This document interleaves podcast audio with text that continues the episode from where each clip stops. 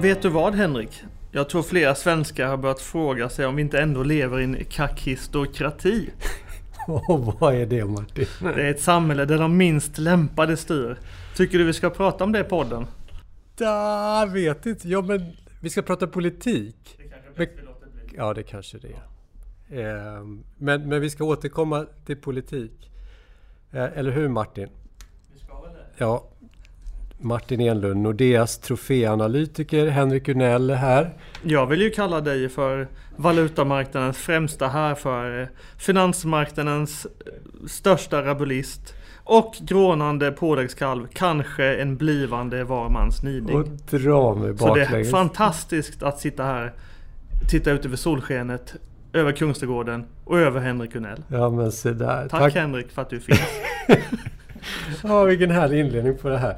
Eh, Martin, igår så satt du och jag och snickersnackade som vi brukar göra om sakernas tillstånd och så identifierade vi väl förmodligen någon form av ojämvikt som vi alltid gör. Och så, eh, Psykisk. ja, och så diskuterar vi den. Så, men i, i det här samtalet så säger du till mig Jag tycker det är så gulligt att du amorterar Henrik. Och du sa det sådär hånfullt och von oben. Och så skämdes jag för att jag har för lite skuld i min privatekonomi. Och det har ju naturligtvis kostat mig skjortan de här sista tio åren.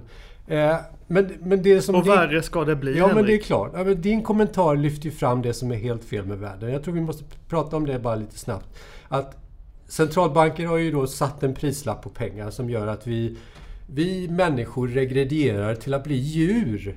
Vi blir primitiva, behovstillfredsställande, ja, något, något, alltså djur. Så vi lånar därför att vi har en gratisfontän att tillgå så, blir, så frångår vi allt det rationella. Skuldslavar. Ja, lite sku, precis. Och så lite snabb bakgrundsinfo. Svenska till hushåll. Vi tillhör en internationell kvintett som är de mest belånade i världen i förhållande till dis- disponibelinkomsten. Och eftersom vi tjänar så lite pengar i Sverige och har så höga skatter så är en fastighetskarriär den enda berikningsmekanismen som vi har här i Sverige. För många. Ja, precis. Och vi, har, och vi har så många gånger i den här podden kommenterat hur den här skuldsättningen och fastighetsinflationen har drivit svensk ekonomi. Så låt oss inte gå den vägen igen. Men låt oss istället prata om skuld kopplat till till exempel kronan. Om vi har haft Kul. 20 år av Mm. stigande fastighetspriser som då helt plötsligt byts till sin motsats. Och priser faller 30% säger under en treårsperiod. Det är ett högst rimligt scenario tycker jag. Hur kan det tänkas påverka kronan, Martin? Räntor etc. etc. Vem är vinnare eller förlorare i den typen av scenario? Hur kommer balansräkningarna jobba? Eh, vem kommer att se stora minus respektive stora plus? Det här är att jag sa att det är gulligt att amortera. Det hänger samman med att, att ja, det är ju generellt sett en ganska dålig idé om man får bättre avkastning annorstädes. Man får väldigt låg avkastning Exakt. räntemässigt på att amortera. Ehm, och som någon sa till mig redan 2005 tror jag. eh, störst balansräkning vinner. Eller eh, en annan tolkning som jag har dragit att om tillräckligt många får tillräckligt stora problem så måste våra folkvalda rädda alla. Eller det finns en politisk logik i det där som gör att, att det kanske inte har varit ekonomiskt rationellt att amortera. Um, men det här med, med, med hushållens belåning som är det man pratar mycket om. Um, jag tycker man kan ta avstamp i en debattare som Anders Palmer skrev här om nyssens. Um, han är då chefstrateg på en AP-fond, så han förvaltar nästan våra pengar. Och han har också varit eh, på Finansdepartementet under tidigt 90-tal. Så han är en förståsigpåare, eh, duktig sådan. Och han tyckte att, att oj oj oj, vi har så mycket skulder i privat sektor och vi måste flytta över den här skuldbördan till offentlig sektor på något vis. Eh, Baila ut alla som har skuldsatt sig för mycket. Det är smart tänkt. Och Anders tycker ju då att man ska göra det här proaktivt. Innan bomarknaden träffar fläkten, vilket man befarar på sina håll att den kan göra, så ska, man, så ska politikerna sätta igång med att försöka baila ut alla som har skuldsatt sig. Eh, som jag då, som har alldeles för lite skuld jämfört med vad jag borde haft, kan man tycka. Men det är nog många som har tänkt sista 10-20 åren. Um, och då, då, ska man fråga sig, det här, det här hittar på att flytta skulder, hur ska det gå till? Um, och då ska jag försöka dra lite av mekanismerna i det här, får vi se vad Henrik säger. Um, så uh, tänker man så då att privat skuldsektor är oroväckande. Man har för mycket skulder i privat skuldsektor. Då måste man ju få någonting som händer som gör att hushållen då sparar mer och amorterar mer. Så att fler blir som Henrik helt enkelt. Um, och det här är intressant för att om någon sektor sparar mer så måste någon annan sektor i ekonomin spara mindre. Uh, i, för varje sektors flöden då som är intäkter mot utgifter motsvarar ju flödena i, i de andra sektorerna. Om någon sektor har större intäkter än utgifter som någon annan sektor har, har lägre intäkter än utgifter. Det är rent definitionsmässigt sett så ja. måste det vara så. Det här kallas sektorsbalanser och de som vill läsa på om det här eh, rekommenderas att, läsa, att söka på Rynne Godley som är en sån här riktigt duktig ekonom som nästan för 20 år sedan förutspådde den amerikanska bokkraschen genom att analysera just sektorsbalanser och dynamiken kring dessa. Så honom ska man läsa. Um, så då tänker vi att någonting har hänt, någonting händer på bomarknaden. Ups, skuldbubblan spricker så att hushållen måste öka sitt sparande. Uh, vilken sektor ska då minska sitt sparande? Och så får man fundera på vad som kan hända. Uh, och här kommer politik in förstås. Uh, om offentlig sektor minskar sitt sparande tillräckligt, om offentlig sektor sprutar pengar runt omkring sig, skickar ut bidrag, a-kasseutbetalningar, sänker skatterna, uh, nya bostadsbidrag, avdragsgilla amorteringar, you name it. Om den gör det i tillräckligt hög grad, då löser ju offentlig sektor den här, då motverkar offentlig sektor sparbeteendet från hushållen och så får vi ingen större konjunktureffekt. Det låter ju bra. Ett annat sätt scenario som skulle kunna ske är att offentlig sektor inte gör någonting eller så lite som möjligt. Då kommer offentlig sektor inte hjälpa till att minska skuldbördan i den privata sektorn. Eh, utan den, den är på egen hand nästan. Men här finns det en sektor vi har inte har pratat så mycket om ännu och det är den utländska sektorn.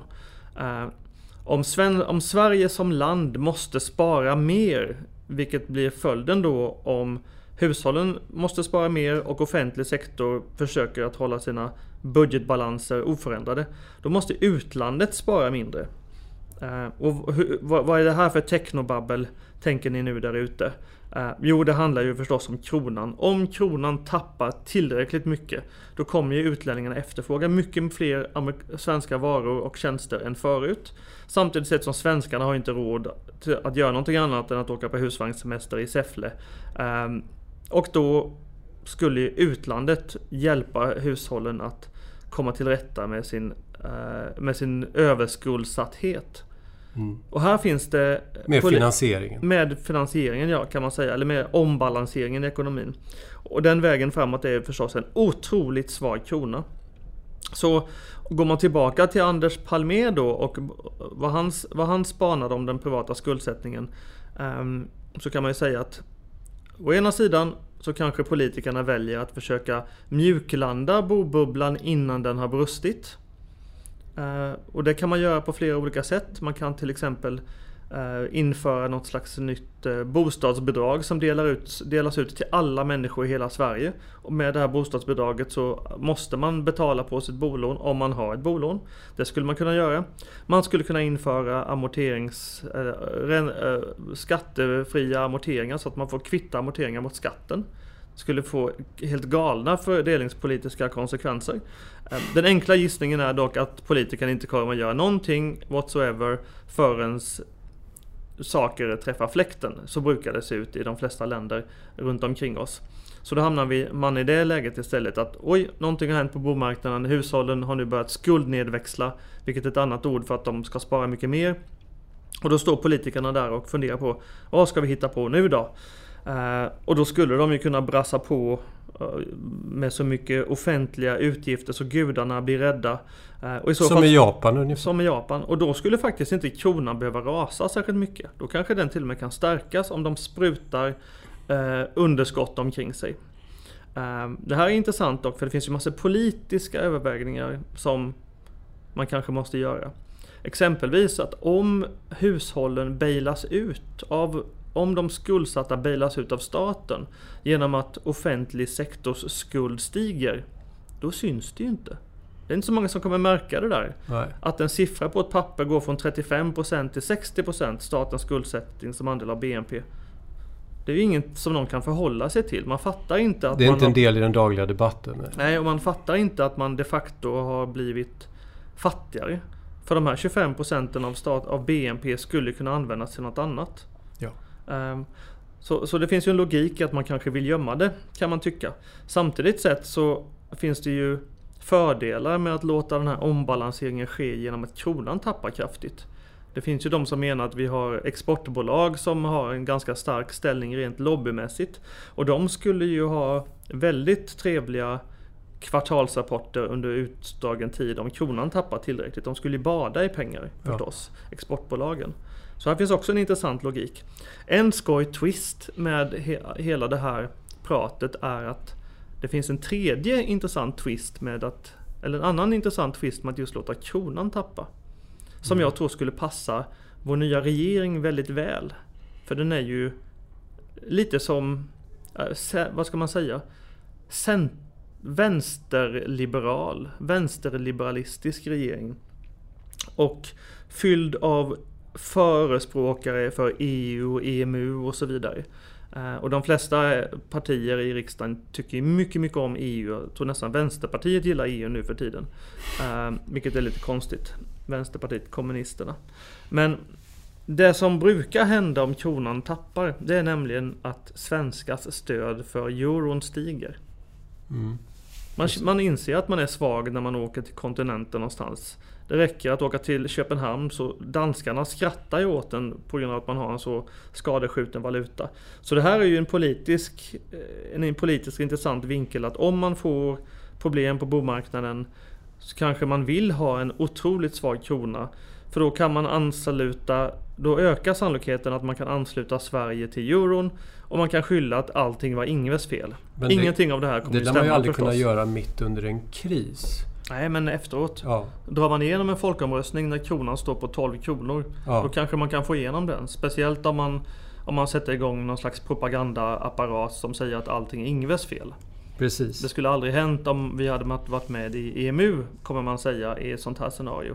Det här är ju extremt foliehattigt, men en intressant eh, spaning tycker vi. Martin, eftersom vi... Hur- in, hur är som helst. Superroligt. Hur Det- som helst ska vi ha med oss att oavsett vilket så kommer de som har varit skötsamma får betala för kalaset. Precis. Eh, så ser det ut. Och det är ju lustigt att det är på det viset. Eh, jag är inte den som omedelbart tillskriver människan en massa goda egenskaper. Men samtidigt så finns det ju det finns ju ett skapande hos oss som är fantastiskt. Mediciner och rymdfarkoster och skyskrapor etc. Men i sitt janusansikte så har ju vi tyvärr den här nedsidan som jag började med att säga och det är ju vår girighet. Och det är ju för samhället och dess institutioner att begränsa och stabilisera det där begäret som, som finns hos oss så att den inte blir samhällsfarlig på något sätt. Och då glider vi raskt, raskt över till Riksbanken. För där har du ju en institution som då har till uppgift och som hade möjligheten att höja räntan här 20 december, vilket de gjorde första gången på sju år. Men vad är det de får till? De får till en dovish hike. En tummetott. Ja, det man kallar på marknadsspråk för en dovish hike. Det vill säga en mjuk höjning. Hela budskapet var att okej, vi höjer nu med 25 punkter, men det räknar inte med att det blir sådär vansinnigt mycket mer. Och blir det något så blir det sen och vi plockar bort en höjning, titta här från juli. Ack så mjuka. Här har vi gått sju år och väntat på de här moränerna. Och, eh, och det enda de förmår leverera det är en, en dovish hike. Någonting som man borde skriva böcker om, den här sjuåriga perioden av minusräntor. För det är, det är från minus 50 punkter, får man inte glömma. Man Och ingen kunna, bryr sig, alla rycker på axlarna. man skulle kunna fundera på om om det nu, det här är en elak tanke, men om Riksbanken inte har gjort någonting på sju år med räntan. Borde de då inte ha anpassat sin kostym efter sin något begränsade verksamhet. Jo, precis exakt. Så. Det satt två Ja, men de kanske höjer igen någon gång nästa år eller i slut mot, mot julafton. Vi kanske får en liten räntejulklapp. Men vi har ju suttit här och sagt att ja, men när Riksbanken börjar sin höjningscykel. När den här ökenvandringen är över, ja men då kommer kronan stärkas. Den rörde inte på sig. Knappt. Nej. Efter räntebeskedet. Vi vet ju inte vad Riksbanken har i har för planer för sin balansräkning. Det kan mycket väl bli så att vi efter februari eller aprilmötet inser att Riksbanken ska temporärt förvisso men trycka jättemycket nya pengar fram till slutet av 2020. Av olika tekniska skäl. Mm. Men det här är en risk som gör att kronan skulle kunna eh, inleda en, en ny eh, nedåtfärd kan man säga eh, lite senare under, under 2019. Det är om Riksbanken bestämmer sig för att förinvestera 2020-förfallen fullt ut. Tror du att man gör det med den här svaga kronkursen som är nu? Tror du man skulle våga göra det om man helt plötsligt börjar inse att den börjar sväva upp mot 10,50, 10,60 igen? Ja, alternativet är att de låter balans, att de skickar en balansräkningssignal om att, att den ska krympa kraftigt. Och den enkla analysen är att alla kommer följa John och John i det här fallet är USAs centralbank Fed. Ja. Fed valde att höja räntan med 100-150 punkter innan de lät sin balansräkning krympa. Att tro att Riksbanken ska avvika från det känns tveksamt ja. i alla fall. Vi pratade om eh, balansräkningar sist. Jag tror inte att gemene man är riktigt uppsjungen på vad, vad det har för betydelse. Men det, det är lika med sedelpress. När man har sänkt räntor ner till noll man inte har en man, kan, man kommer inte vidare den vägen så kan man spraya det finansiella systemet med pengar. På olika vis. På mm. olika sätt. Och det har man gjort historiskt. Och någon gång så ska man ju då avspraya alla pengar ska pengarna som har kommit in ut. igen. Ja. Så egentligen om man först spruta ut pengar i systemet så ska man samla in pengarna och sen tutta fyr på dem i en stor hög. Ja, och när det finns kredit för alla då stiger tillgångspriser. Accessen till kapital finns överallt. Det finns inte en affärsmodell som, som går under under de omständigheterna när räntorna är noll och valutor försvagas. Jag skrev i, i Navigator en, eh, en publikation att eh, Homer Simpson är någonting på spåren. Jag vet inte om ni har sett den där sekvensen. Han tar en burk majonnäs och så häller han i en massa vodka i den och så sveper han den och så innan han svimmar så säger han That's a problem for future Homer. Boy I don't envy that guy. Och nu sitter centralbanken och är, och framförallt Fed, och är lite förvånade över att tillgångspriser faller och att vi har en, någon form av börsbärs här under uh, sista sex månaderna. Och framförallt under december månad för, för amerikanska räntor. Ja, man, man, kan väl tillägga där att i marknaden har det varit mycket fokus på likviditet och då brukar man sätta just eh, centralbankernas balansräkning i förarsätet. Om man går från ett läge där alla centralbanker har, har tryckt massa nya pengar, köpt allt som rört sig eller inte rört sig och sen börjar, så slutar de med det eller till och med börjar avtrycka pengar, vilket man gör i USA. Så brukar det ha, ha bäring på, på börsen och den konsekvensen brukar vara negativ. Så det här är en anledning till att vi på Nordea har förutspått eh, börsvolatilitet och lite stök sedan våren 2018. Och det, precis, vi poddade senast den 17 december. Det var en vecka innan börsen bottnade. Och december var ju en förfärlig månad för framförallt amerikanska börsindex. Eh, men också för aktieindex utanför USA och i Sverige för den delen. Och, och, vi, precis som du säger, vi gnuggade händerna lite grann i vår grupp eftersom det här följde den vägen som vi i vår analys stakat ut. Och, och, precis som du säger, i korthet så gick vår analys på att vi hade en konjunkturavmattning som bottnade i att centralbanker, i synnerhet Fed, och höjde räntor, priser på dollar steg. Kreditstimulanser i Kina var kraftigt på väg ner. Vi hade handelskrig, stigande lönekostnader för företagen samtidigt som efterfrågan föll och så vidare. Och så tyckte vi då att börsvärderingar, vinstmarginaler var alldeles för höga. Eh, but, och som sagt var, nu är det ju bra tryck i tillgångsmarknader. Eh, tror vi då att vi har sett en botten i börsindex eller vad är det som händer härnäst? En sak som händer nu under ett par månader fram tills första mars. Det är att av obegripligt tekniska saker som jag inte tänker gå in på så kommer det komma ut mer likviditet i USA. Och det hänger ihop med vad USAs riksgäldskontor gör. Och det här kanske har varit en anledning till att börsen har mått lite bättre så här i det korta. Men det här är en temporär effekt tänker vi och att det ska bli fortsatt Ja. stök. Ehm, helt enkelt att det här är ganska sannolikt att Vi ser det vi ser just nu är en tjurfälla som det kallas. Ja, och bulltrap. För vi, vi tycker fortfarande att marknaden ligger fel i sin diskontering. De förväntar sig för lite smärta. Det är för lite smärta inprisat i förhållande till vad som ska realiseras. Förvisso kommer det här från Henrik som amorterar. Ja, ja. Han gillar smärta. ja precis. Eh, och Okej, då har vi hanterat det här, eh, den globala bilden. Vi har pratat om Riksbankens räntebesked. Det blev ingen kronraket. Eh, såg du TT-intervjun med, med Ingves? Ja, schamanen ja. Ja. Det var det gulligaste jag har sett. Det är det gulligaste jag har sett på en månad. Det gulligaste jag har hört var att du amorterade. Ja, men, ja Eh, det är två precis. Och just det som var mest gulligt med den här schamanintervjun. Alltså det är klart att Ingves är en duktig eh, österbottnare eh, på många sätt. Men att man i den här intervjun målade fram honom som en fantastisk kommunikatör. Det fick ju några av oss att dra lite på smilbanden. För det fanns det ju mer där som, som fick... Ja, precis, han är ju värst på att kommunicera. Han kan ju inte kommunicera överhuvudtaget. han bryr sig inte. Nej, han bryr sig inte heller. Och han säger konstiga saker. Och, eh, och jag skrev Han är något- värst. Ja, men han säger så här. Mitt, han gör inte så många intervjuer. Det är ju sällan man ser honom prata om vem han är eller lägga ut texten om, om, om sitt inre. Han såg väldigt glad ut dock. Ja, han såg jätteglad ut. Och så säger han här, ja men mitt jobb i ekonomiska sammanhang det är att vara en kombination av schaman, väderleks, väderleksgubbe och estradör.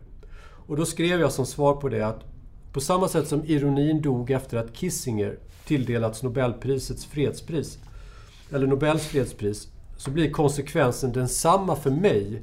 Det finns ingen beskrivning som jag kan ge nu om Riksbanken och Ingves som överträffar det han själv har sagt om sig själv. Så Nej, det är bara att lägga ner. Hela navigatorn kommer Ja, inte längre nej, publiceras. precis. Det går inte längre att göra narr av, För av samtiden. shamanism, det handlar ju om osynliga andar, krafter, förfäder och illusioner och allt det där. Men eh, vi fortsätter på temat Sverige då. Eh, vi har ett par timmar gammalt, eller nygammalt, vi har ett par timmar nygammal statsminister. Eh, Machiavelli Löfven. Det blev ingen svetsigt. Nej, regeringsbingon är över. Marknaden skiter ju fullständigt i det här. Äntligen så kan alla journalister börja skriva löpsedlar där det står att Trump är dum istället. Ja, precis. Kan vi andas ut. Ja, exakt. Men okej, marknaden bryr sig inte. Men är det rätt slutsats Martin?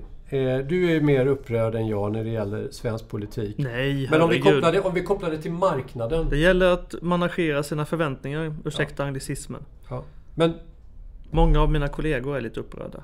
Många journalister verkar upprörda. precis. Men vi, istället, men vi, ska, vi ska inte skriva någon eh, ledarartikel utan bara koppla det till marknaden. Finns det någonting i den här sammansättningen, regeringen och det här, de här drö, Mm. drönarregeringen där Kak- Centern och Liberalerna sitter i bakgrunden och, och managerar. Kakistokraterna kanske Ja. man kan kalla dem. Om man ska vara lite elak. Är det någonting som kan påverka I det svenska korta, räntor? i det korta nej för tusan. Nej. Jag menar, vi har en januari... Vi hade en decemberöverenskommelse. Nu har vi en januariöverenskommelse. Eh, som är kombinerad med en hemlig... Ett hemligt, en hemligt avtal mellan sossarna och Vänsterpartiet, de forna kommunisterna. Det är väldigt spännande. Men utifrån ett marknadsperspektiv. Nej, det här är så mycket utredningar. Så mycket fokus på att någonting kanske skulle kunna hända 2020 med finanspolitiken. Men det är så långt bort så det kan man liksom inte hetsa upp sig över. Men 700 miljarder i, i någon form- av infrastrukturpaket över en tidsperiod på 11 år. Det där har man ju pratat om sedan Ja, jag 2016. vet det. så man får se när det klubbas. Då skulle det kunna hända någonting. Det skulle kunna bli tjong i, i långränteballongen om det, Mm. Man kan väl säga genomfördes. Alla de här löftena, speciellt om VPK ska få lite eh, vara med vid, vid köttgrytorna också. Så kanske man måste se över underskotten och se över de här finanspolitiska ramverken. Sa du VPK? Ja, det sa jag. Fan vad roligt. Ja, det är det. Det är det. Ja. Eh, Ja, man kanske måste förlåt. se över de finanspolitiska ramverken helt enkelt. Och det skulle kunna vara intressant om vi Ja. får en sån diskussion. Vi kanske inte ska ha överskottsmål i statsbudgeten. Det kanske är svårt att, att om alla ska få allt de vill ha, då har vi väl inte råd att staten ska spara också. Nej, det är liksom, speciellt inte om någonting skulle hända på bomarknaden som vi har pratat om redan. Men i det stora, det här är så 2020 tungt och det finns liksom ingenting att hetsa upp sig Nej. över här och nu. Nej. Speciellt inte i den makromiljö som vi tror fortsatt kommer realiseras. Och vad tror Vilket vi? är Ja. svensk inbromsning, global inbromsning, europeisk inbromsning. Kanske kan man också börja spekulera lite tidigt om att svensk bomarknad kanske kommer vara lite svajigare nu under, lopp, under början av 19 än den var under slutet av Mm. 18. Bland annat pratar man att det har kommit en våg av utbud på bomarknaden på, ett samma, på samma sätt som hände i början av förra året. Så det finns massor av motvindar mot, mot kronan och Sverige här och nu. Eh, regeringen, den nya, kanske kan lägga till en liten medvind. Men den medvinden är väldigt liten just nu och den gäller främst 2020 och det är så långt bort i tiden så man kan inte bry sig. Vi måste bara säga någonting om Brexit och pundet. För det här är ändå en historisk händelse, det vi har varit med om eh, under den här veckan. Nu har man röstat om utträdesavtalet och det gick fullständigt åt pipsvängen för Theresa May och regeringen. Mm. Och jag såg någon som hade skrivit det här liknar situationen när Gary Halliwell överskattade sin förmåga och lämnade Spice Girls för att göra solokarriär. Det tyckte jag var ganska roligt. Bara en snabb kom- kommentar ifrån min sida. Det ser ut som om att UK blir kvar under överskådlig tid i den, i den här inre marknaden. Det blir någon form av handelsavtal så småningom. Eh, men samtidigt är det så att jag, jag, jag, alltså det här beslutsträdet det kan dra i alla riktningar. Den här brexitfarkosten den blinkar precis, den blinkar höger, den blinkar vänster. Eh, men min take är ändå att den här exit-tiden som man har 29 mars, den kommer senare läggas. Kanske blir det permanent om, om debatten drar i riktning mot en andra folkomröstning. Vi får ingen Brexit. Eh, faktiskt ser det ut som att skulle vi ha folkomröstning idag så kanske Remain eh, skulle vinna med ungefär lika stor marginal som de förlorade sist. Men vilket jävla liv det skulle bli. Eh, då kommer ju man prata om att eliten har svikit folket och alla problem som UK stöter på härifrån skulle man ha en andra folkomröstning och skulle man ta tillbaka beslutet. Det skulle skyllas på det här Brexit-sveket. Den, ja, Och det kommer bli en polarisering på samma nivå som vi har i, i USA. Men, är min poäng, det har man ändå. Det spelar ingen roll vad man gör härifrån. Skadan är redan skedd. Och- jag tror ju att man kan förvärra sakerna. Ja, men titta till exempel på vad som hänt i Frankrike med Macron. Han var ju då en reformpresident som skulle klubba massvis av marknadsliberala reformer, konservativ budget, eh, copy-paste på tyskarnas Hartz-reformer, und so weiter, und so weiter. Men det här var ju någonting som, han, han vann ju valet mest för att ingen ville välja Le Pen. Mm. Så han fanns ju inget förändringsmandat och i takt med att han började implementera sina planer och var in, insyltad i mängder av olika skandaler förvisso så fick vi till slut de gula västarna. Så jag menar, överheten kan inte hur länge som helst ignorera folkviljan. Och nu har vi sett på sistone att Macron gett med sig till de gula västarna och börjar köra expansiv finanspolitik igen. Ehm, så ja, alltså jag skulle höja ett varnande finger. Man, man ska nog försöka lyssna lite mer på folket än man har gjort. och Även så i Storbritannien. Ny folkomröstning inte utesluten. Jag noterade dock nu i morse att den oerhört otäcke EU-toppen Guy Verhofstader en av mina absoluta minsta favoriter inom EU. Han har sagt att det är otänkbart att artikel 50 förlängs bortom EU-valet. Ja, Så eventuellt så får Theresa May nu på måndag fram till ett, maj. fram till maj. Det är inte så mycket tid. Nej. Och alla EU-toppar försöker ju också utesluta att omförhandla någonting. Grejen för Theresa May är ju att hon skulle ju kunna, om hon lyckas förhala den här processen så kommer hon ju eh, tills i höst, sent i höst, då kommer hon ju ha att göra med ett helt nytt garde inom EU. Det kommer vara massa populister, Salvini, Orban och så vidare. Alla kommer ha gått framåt sannolikt i EU-parlamentsvalet och det kommer påverka maktbalansen. Så om, om hon kan blicka framåt dit och tro att det kommer göra hennes situation lättare så ska hon ju göra det. Eller också så inväntar man att den demografiska proportionaliteten eh, blir till fördel för Remain. Mm. Eh, för det här, Vänta demografin var ju viktig när det gällde för och emot eh, Brexit. Varje minut så dör en Brexit-anhängare samtidigt som en Remainer fyller 18 år. Så att det Så gäller det. bara att vänta in. eh, Det där politiken påminner dock lite om, om jag ska vara lite tillspetsad, vad Sovjet gjorde mot Baltikum.